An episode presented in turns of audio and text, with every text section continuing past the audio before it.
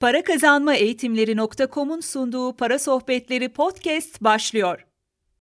Arkadaşlar merhaba. Bu akşam en çok konuk etmek istediğim isimlerden bir tanesi olan yakından takip ettiğim, severek öğrendiğim Hülya Mutlu Hanım'ı e, konuk ediyoruz. Hoş geldiniz. Çok teşekkür ederim bizi kırmadığınız için. Hoş bulduk. Ben asıl davet ettiğiniz için çok çok teşekkür ederim Mehmet Bey. Çok sağ olun. E, bu akşam kitabınızdan yola çıkarak iş hayatında iletişimi konuşacağız müsaadenizle. Sizi tanımayan yoktur ama kısaca kendinizden söz eder misiniz? Estağfurullah o kadar e, geniş bir etki alanım olmayabilir. Mutlaka izleyenlerden çok sayıda tanınmayan çıkacaktır diye düşünüyorum. Ben eğitimciyim. E, kendime yazar diyemiyorum. Çünkü bir tane kitabım var. E, o o sayıda bir kitapla henüz yazar ünvanı almayı hak ettiğimi düşünmüyorum. Ben 1998 yılından beri üniversiteyi bitirir bitirmez hep insan kaynakları alanında çalıştım. Ee, ve daha sonra bir üç buçuk yıl çalıştıktan sonra Başkent Üniversitesi Hastanesi'nde yurt dışına gitmeye karar verdim. Bugün yaptığım işi yapmak ve bu işin temellerini atmak için çok sayıda eğitim almam gerekiyordu. Döndükten sonra da kısa bir yine e, kurumsal yaşamda devam ettim ve ardından 2007 yılında tamamen kurumsal hayatı bıraktım. Şu an yaptığım işi yapmak üzere bir maceraya atılarak e, başlangıç yaptım. O günden beri de çok şükür diyorum. Hep eğitim veriyorum. Bir şeyler anlatıyorum, bir şeyler öğreniyorum. Benim tarafımda söyleyeceklerim böyle. Bir beş yıl önce e, teşekkürler. Ee, şöyle bir farklılık kattım. Belki bugün siz de soracaksınız. Biraz daha yaptığım işlere mizahın etkisini katarak. Evet, özellikle sormak istiyorum. Çok daha etkili olmasını sağlıyor çünkü. Peki müsaadenizle kitapla başlayalım. Ben kitabın hikayesini sorayım. Ben çok hoşlandım, çok beğendim. Herkese tavsiye ediyorum ve en sevdiğim şekilde maddeler halinde yazılmış. Böyle hap bilgi var içinde. Çok yani severek okudum, bir çırpıda okudum. Siz e, katılmaya e, razı olduğunuz için bir daha okudum, tekrar çalıştım üzerinden. Kitabın hikayesinden başlayalım mı? Ne zaman başladınız? Nasıl yazmaya karar verdiniz? E, teşekkür ederim. Beğenmeniz benim için çok değerli. Bir gazeteci gözüyle de işi yazmak, çizmek, e, okumak olan bir insanın gözüyle, bir rafine göz çünkü, güzel görünmesi, beğeni alması beni gerçekten çok mutlu etti. E, kitabın hikayesi şöyle. E, ben hakikaten çok istiyordum bir kitap yazmayı ve bunun da iletişimle ilgili olması konusunda son derece nettim. Çünkü kitabın girizgahında da ön yazısında insanların bu denli çok iletişim problemleri yaşıyor olmasının e, böyle araçlarla giderilebileceğine dair güçlü bir inancım e, vardı ve Türkiye'de yazılan kitapların iletişime dair e, büyük bir çoğunluğu çeviri.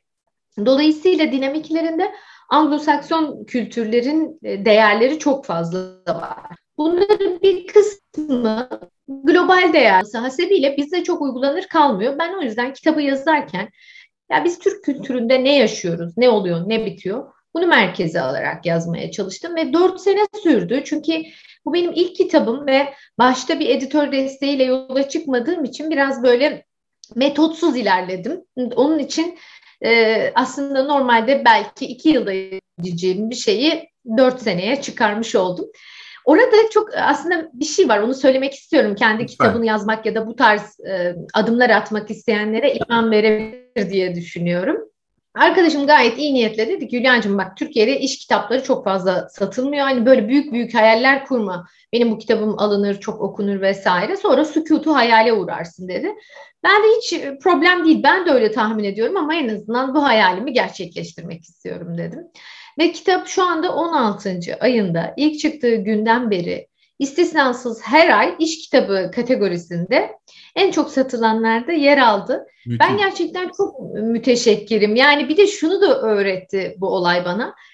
Diğer deneyimler son derece objektif ve değerli evet ama salt referans alarak bazı kararları vermemeliyiz. Belki bunu bana çok başlarda tavsiye etse motivasyonum azalabilirdi.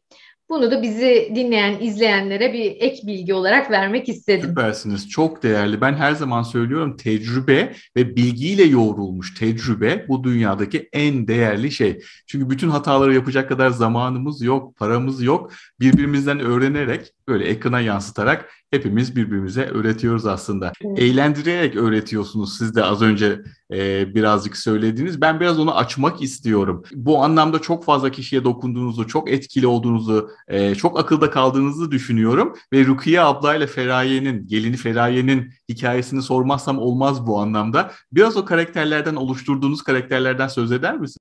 He, sağ ol yenge. He, Serkan'ın sözünü taktık geldik. Sesim nasıl iyi ola, başım çatlayıcı değilim. Hiç ne kız aklıma yattı, ne aile aklıma yattı yenge. E Fadile'nin kızını söyledik, dedi ki yok ana bu şişko kalas gibi. Yenge, Ümmü Gülsüm'ünkünü de söyledim. Ona da diyor folklorik. Folklorik neyse ben bilmiyorum.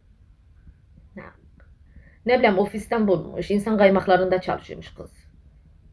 45 kilo sanki dersin iki tane çıtayı çarpmışlar, avrat yapmışlar. Kız ben konuşmasından da hiçbir şey anlamıyorum. Serkan'la konuşuyor dedim oğlum bu yabancı mı? Dedi yok anne bu plaja dili orada o şekilde konuşuluyor. Sen anlamazsın boş ver dedi. Kız bizim kültüre hiç uygun değil. O söz günü gittik ben masayı gördüm. Sırfa hazırlamışlar. Abo ne bir işli küfte ne bir sarma ne bir etli yemek. Anası zeytinyağlı yapmış iki tane. Bir de aynı hamurdan e, üç tane pasta. Ana da avrat değil. Anada da iş yok. Ağacı çekeceksin köküne bakacaksın gülüm. Serkan da bozuldu. Serkan da çok bozuldu da işte diyemiyorsun. Elimden yaptım boynumdan çek yavrum diyemiyorsun. Ee, analar analar tahtını yaparmış da baktığını yapamazmış yenge. Çok kötüyüm yenge. Ne bileyim hele dur düğüne kadar belki vazgeçer. He. O kadar da dedim yavrum dedim bak dedim iş yeri ortamından seçmeyin. Gelin bizim kültürümüzden bize yakın insanlardan seçin diye dinletemedim. Ee, şöyle oldu. Aslında biz eğitimciler ya da iş hayatındaki insanlar bir şekilde mesajlarını verirken, dertlerini anlatırken işte gayet çoğu zaman didaktik bir e, dili, kurumsal bir jargonu tercih ediyoruz. Ben şunu fark ettim. İnsanlar bundan fena halde sıkılmış vaziyette ve öğrenme için de alternatif yollara ve metodlara ihtiyaç var. Ee, ben kendim de neşeyi, mizahı gerçekten hayatında öncelikli değerler arasına koymuş birisiyim. Bir arkadaşımın tavsiyesiyle oldu bu da. Ya biz e, senin gözlemlerini seviyoruz, sana çok gülüyoruz. Niye daha fazla insan e, bunu yap, daha fazla insan için bunu yapmıyorsun dedi. Ve ben de işte o dönemde yapan e, kişilerden de ilham alarak, onlar birçoğu bir beni cesaretlendirdi. Mesela işte Kaan Sekban bunlardan birisi. Bir video çektim ve LinkedIn'e yükledim. Bir dakikalık bile bir video değildi ama çok enteresan bir etkileşim almıştı. Ve o gün şunu fark ettim ki evet ben bundan sonra mesajlarımı bir miktar teorinin avuçlarından alarak mizahla vereceğim. O ironi insanlara çok iyi geliyor ve bunun sinir bilim tarafında da bir açıklaması var. Yani biz bir şeye güldüğümüz zaman orada öğrenmeye de daha açık hale geliyoruz. Dolayısıyla ben o tiplemeleri de çok hayatın içinden yazıyorum. Yani işte Zülfiye abla sizin evde de vardır, bizim evde de var. Şu anda bizi dinleyen, izleyen e, herkesin evinde bir takım e, Zülfiye ablalar oluyor. Ya da beyaz yakalı Burcu ya da hiç çalışmayan Eda Naz. İşte narsistik Samet hmm. ya da sürekli plaza dili kullanan Berk ve Mert. Bunların hepsi çok hayatın içinde çok sahici karakterler. Ve ben aslında çok komik şeyler anlatmıyorum ya da göstermiyorum. Benim o videolarda Yaptığım şey sadece hakikati göstermek. Onu görünce de hepimizde şu oluyor gibi geliyor bana. Ay evet ya bunu ben de yapıyorum. Ay vallahi böyle biri bizim ofiste de var. İşte ara ara mesela böyle bürokrasiye de hafiften dokunduruyorum. Onlar en fazla etkileşim alan videolarım oluyor. Çünkü hepimiz görüyoruz ne oluyor, ne bitiyor. Birisi çıkıp onu böyle hikayeleştirip bir miktarda e, mizah katınca içine sanırım insanlara iyi geldi. Ya bana da çok iyi geliyor. Onu belirtmeden geçemeyeceğim. Evet. TEDx konuşmanızı izlemeyenler varsa takipçilerim arasında muhakkak izlemelerini tavsiye ediyorum. Hatta linki de aşağı açıklamalara koyarım. Orada da bu karakterlerle başlayıp ilk önce bir dikkati çekip yani o karakterlerle bir gözü etkiyi toplayıp çaktırmadan mesajı da vererek arkasından da devamı geliyor ve bence de çok çok çok çok iyi oluyor. Yani hem de dikkati çekmeyi sağlıyor hem de dediğiniz gibi öğrenmek çok çok daha kolaylaşıyor. Ben konumuza dönüyorum müsaadenizle. Türkiye için soruyorum. İş dünyasında, iletişimde, Türkiye için soruyorum. Başarılı mıyız ne dersiniz? Geneli soruyorum. Tabii ki çok olumlu, çok olumsuz örnekler vardır ama genelde nasılız?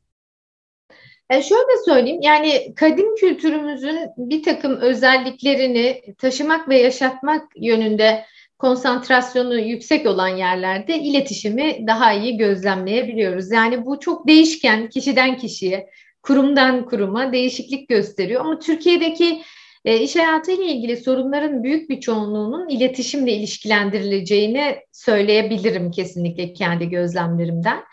Bazı konularda çok iyiyken özellikle iletişimin etkili dinleme fonksiyonunda çok da iyi olduğumuzu söyleyemeyeceğim. Yine e, takdir etmek, geri bildirim vermek, çok geri durduğumuz, fazlaca tercih etmediğimiz iletişim fonksiyonları. Ben de Can Hıraş bunları yapmanın nedenli önemli olduğunu anlatmaya çalışıyorum. Yani önümüzde çok gelişim fırsatları var Mehmet Bey sorunuzun cevabı Katılıyorum. Böyle olabilir. Katılıyorum, katılıyorum. Ben danışmanlık yaptığım için nacizane olarak en çok karşılaştığım problemlerden bir tanesi plaza dili. Ben öyle hissediyorum. Ekse, bence egzajere ediyorsunuz bunu. Hemen bir gönderme yapalım.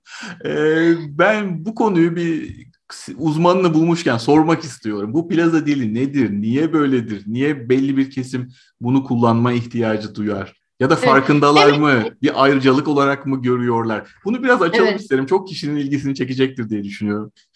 Abi ben sana bir şey söyleyeyim mi? Bizim headquarter tarafı, genel müdürlük tarafı çok zayıf, weak yani adamlar.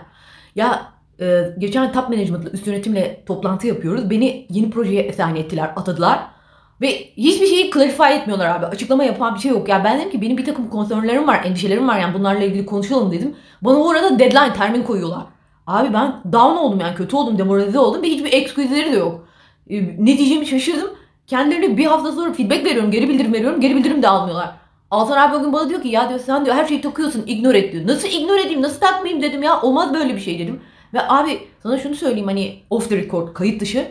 Projeye atadıkları adamların qualify'ları da yetenekleri de yani yeterlikleri de kötü durumda. Geçen gün abi bir tane third party çağırmışlar. E, saplar işte tedarikçi çağırmışlar. O, on, onları brief veriyorlar, sunum yapıyorlar. El, elde hiçbir şey yok. Ve diyorum ki mesela kendilerine soruyorum bu expense'leri, ödemeleri kim yapacak diyorum. No comment yani hiç kimse yorum yapmıyor abi. Ve şey diyor ki bizim CMO diyor ki e, şey diyor e, bak diyor bunu kick-off'ta söylüyor. Bir buçuk ay e, sonraya diyor açılış toplantısında wrap up koyacağım diyor. Kapanış toplantısı koyacağım diyor. E, yuh dedim yani abi olacak iş değil ya. E, şimdi şöyle bunun çeşitli nedenleri var. E, benim videolarımdan birinde şey diyor karakterlerden birisi işte sen niye böyle konuşuyorsun deyince o da diyor ki ya bizim orada böyle konuşmayana ezik diyorlar. Biraz böyle bazı e, yerler için, bazı kurumlar ya da bazı çevreler için bu bir statü göstergesi olmuş vaziyette. Ancak ben bu videoları paylaştığımda birçok insan rahatsız olduğunu söylerken birçok insan da altına şöyle yorumlar gönderiyor. Ya işte e, İngilizce bilen ve İngilizce eğitim veren okullardan eğitim almış insanların artık kafası İngilizce çalışıyor. Siz bunu niye anlamıyorsunuz diye. Ben bunu bir kere kabul etmiyorum. Şimdi e, dinleyin Muhtar Kent'in bir konuşmasını.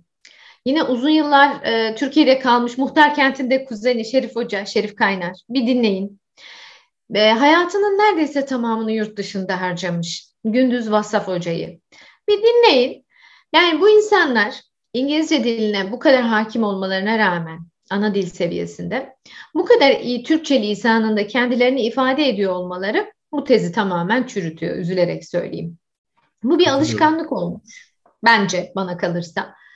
Ee, ben İngilizce biliyorum demenin bir göstergesi olmuş. Ee, ancak çok rahatsız edici, çok kulak e, tırmalayıcı. Fakat yapacak da bir şey yok gibi görünüyor. Çünkü belli ki çok geniş bir çevrede gerçekten kabul görmüş. Daha iki gün önce bir toplantıda birisi mesela kendi ifade ediyor. Her şeyin bir nedeni var diyecek. Everything for a reason yani. Niye buradayız ki diyor. Yani e, Türkçe söylesene kardeşim. Orada mesela gerçekten e, İngilizce bilmeyen insanlar oluyor o masalarda. Ve onlar açısından bence e, çok nahoş oluyor. İletişimin akışta olmasının önüne dev bir engel konmuş oluyor. Yani ben bunun psikolojisini e, çok da çözümleyebilmiş e, değilim. Ben Ama müsaadenizle bir cümle eklemek istiyorum yeri gelmişken. Ben de firmalara dokunurken bu tarz problemlerle karşılaşıyorum. Amerika'da bir dönem yaşamış birisi olarak özellikle Türkçe seçip o dilden, plaza dilinden uzak durduğum zaman insanlar İngilizce bilmiyor olarak algılıyorlarmış. Onu da daha sonra öğrendim. Hani siz kullanmadığınız zaman da direkt karşı tarafın algısı İngilizce bilmiyor oluyormuş. Ben bunu tecrübeyle yaşadım. Çok komik ama gerçek. Yani gerçek bir tecrübe olduğu için söylemek istedim. Ben müsaadenizle yine buyurun. Yok. Yine uzmanını bulmuşken bir soru daha sormak istiyorum. Hatta şu an aklıma geldi yine şirketleri düşündüğüm zaman. Bir de bu kurumsal kültürde özellikle toplantılarda inanılmaz bir tekrar var. Hani en az plaza dili kadar e, zararlı olduğunu düşünüyorum. Yani vurgu yapmak anlamına çok fazla tekrar edilen e, şeyler yüzünden toplantılar mesela çok ucuz e, uzuyor ya da e-postalar çok tekrar ediyor. Sizi bulmuşken müsaadenizle onu da sorayım. Tekrar bu neden bu kadar tekrar ediliyor? Yani e, benim de çok muzdarip olduğum konulardan birisi özellikle bir sunum esnasında, bir konuşma esnasında sık sık e, az önce dediğim gibi, az evvel de söyledim, yine söylediğim gibi yahu zaten söylediysen neden aynı şeyi yineliyorsun? Yani e, bunun psikolojisini anlamak çok güç. Fakat bunun çok rahatsız edici olduğunu, zaman açısından çok büyük bir baltalayıcı olduğunu herkesin bilmesi ve fark etmesi gerekiyor. Yani bizim iş süreçlerimizde de iş süreci içerisindeki bütün adımlarımızda da sadeleşmeye gerçekten çok ihtiyacımız var. Bugün sadeleşmeyi kurum kültürünün bir parçası haline getirmiş olan Apple gibi, Amazon gibi markalar almış başını yürüyor. Mutlaka bir bildikleri var. Ve sadeleşme içerisine az, öz, rafine konuşmayı da koymak gerekiyor. Bu yüzden insanların bu becerilerini geliştirmesi şart. Ancak Mehmet Bey birçok insan bunu yaptığının farkında değil. Bence en önemli sorun da orada. Evet, müsaadenizle yine bir cümlelik bir tecrübemi koymak istiyorum. Geçen Twitter'da da paylaştım. Özellikle çevik şirket, agile şirketiz diyenlerde bu tekrarın daha fazla olduğunu ben yine kendi gözlemimce, benim gözlemimdir, eklemek istiyorum. Müsaadenizle bir sonraki soruya geçiyorum. Şimdi kitabınızda bizim kültürümüze alıntı, kültürümüzden alıntılar yapmışsınız ve çok güzel yapmışsınız. Ben iletişim kültürü olarak soruyorum. İletişim kültürü olarak dejenere oluyor muyuz? Kaybediyor muyuz o iletişim yeteneğini? Kayboluyor mu? Ne dersiniz? Ya bir kere e, gerçekten kadim bilginin değerini indirgeme belki de postmodern dünyanın e, önemli sorunlarından birisi diye düşünüyorum. E, kadimi de masaya getirmek, zamanın ruhuna uygun yeni olanı da getirmek, e, bilgi ve bilimle harmanlanmış bilgiyi de masaya getirmek asıl doğru olanı e, yapmamızı sağlayacak. E, ama insanlar burada bile e, ayrışıyorlar. Dolayısıyla da o kadim kültürdeki yaklaşımların büyük bir çoğunu indirgediğimiz için evet iletişime tabii ki yansıyor. Mesela selamlaşma Türk kültüründe başlı başına çok önemli bir şey. Minnettarlık. Ee, Anglo-Sakson kültürlerde takdir dediğimiz şey, değer bilmek dediğimiz şey. Yine bizim kültürümüzde fazlasıyla olan bir şey. Yine kitabımda ele aldığım nezaketle ilgili noktalar. Ee, hepimizin aile terbiyesinde zaten aldığı konular. Fakat bir şekilde bunlara yabancılaşmış insanları sıkça görmek mümkün. Diğer taraftan insanın insana temas ettiği iletişim de artık çok azaldı. Sosyal medyanın etkisiyle birlikte tabii bunda pandeminin de tesiri oldu. O kan kana, can cana sohbet etmek, muhabbet etmek, herhangi bir dış uyarana iltica etmeden konuşmak neredeyse imkansız hale geldi gibi görünüyor. Evet ve yakın zamanda da geri dönemeyecek gibi duruyor. Çok yakın bir zamanda evet. dönemeyecek gibi duruyor maalesef. Evet. Bu sorunun cevabının saatler süreceğini farkındayım ve konuştuğumuz her şeyi kapsadığını farkındayım ama son olarak fikir vermek için yine iletişim anlamında soruyorum. Başarılı ve başarısız firmalar arasındaki ana farkları, ana özellikleri kısaca bir özetler misiniz? Şöyle bir seyircinin gözünde bir canlansın isterim. Teşekkürler. Ee, birincisi iletişim e, temasıyla konuşacak olursak, başarılı firmalar açık iletişim yaklaşımını hakikaten içselleştirmiş vaziyetteler. Peki açık iletişimi içselleştirmeyen firmalarda ne oluyor? Informal iletişim dediğimiz namı diğer dedikodu. Ve onun da bir formülü vardır. Dedikodu eşittir belirsizlik çarpı konunun önemi. Belirsizliğin evet. çok olduğu dönemlerde evet eğer konular netleştirilip açık iletişim kurulmazsa Zülfiye abla şöyle diyor. O zaman diyor çaycı ve şoför şirketi yönetmeye başlar. TEDx toplantınızda da, e, konuşmanızda da söylediğiniz süper tespit. Evet. İkincisi e, radikal şeffaflık dediğimiz bir kavram. Yani bazı bilgilerin saklanmaması. Bunu batılı şirketlerin bir kısmı çok iyi yapıyor. Radikal transparency diyorlar. Plaza diliyle söyleyeyim ben bunu size. Bizim dilimizde şeffaflık kendisi bile çok az kullanılan bir kelime. E, ikincil ajandaların olmaması, kapalı kapılar ardında bir şeylerin konuşulmaması e, ve organizasyonel yapı içerisinde dikey yerine yatay hiyerarşiyi baz alan, otokratik, buyurgan yaklaşım yerine daha demokratik, işbirliğiyle kuşakları bir arada çalıştıran, yüz yüze iletişimi çok önemseyen, takdir veren, geri bildirimi hakikaten kurum kültürünün bir parçası haline getirmiş firmaları ben çok başarılı buluyorum. Bu çok hızlı iş sonuçlarına yansıyor. Tam tersini yapanlar da son derece başarısız vaziyetteler. Katılıyorum, katılıyorum. Çok çok teşekkür ederim bu yoğunlukta bizi kırmadığınız, vakit ayırdınız. Sizin eklemek istediğiniz bir şey var mı? Estağfurullah. Çok teşekkür ederim. Ben asıl beni konuk ettiğiniz için gerçekten çok teşekkür ederim. Çok evet. naziksiniz. Sağ olun, var olun takipçilerime ve izleyicilerime de Hülya Hanım'ın kitabını şiddetle tavsiye ederim. Kendisini takip ediyorlardır ama etmiyorlarsa muhakkak takip etmelerini rica ederim. Açıklamaların başında da Hülya Hanım'ın kitabının sosyal medya hesaplarının linki var, linkleri var. Aramadan hemen ulaşabilirsiniz. Tekrar çok teşekkür ediyorum. Ben teşekkür ederim efendim. Kendinize çok çok iyi bakın. Sağ olun. Para Kazanma Eğitimleri.com Para Sohbetleri podcast'i sundu. Thank you.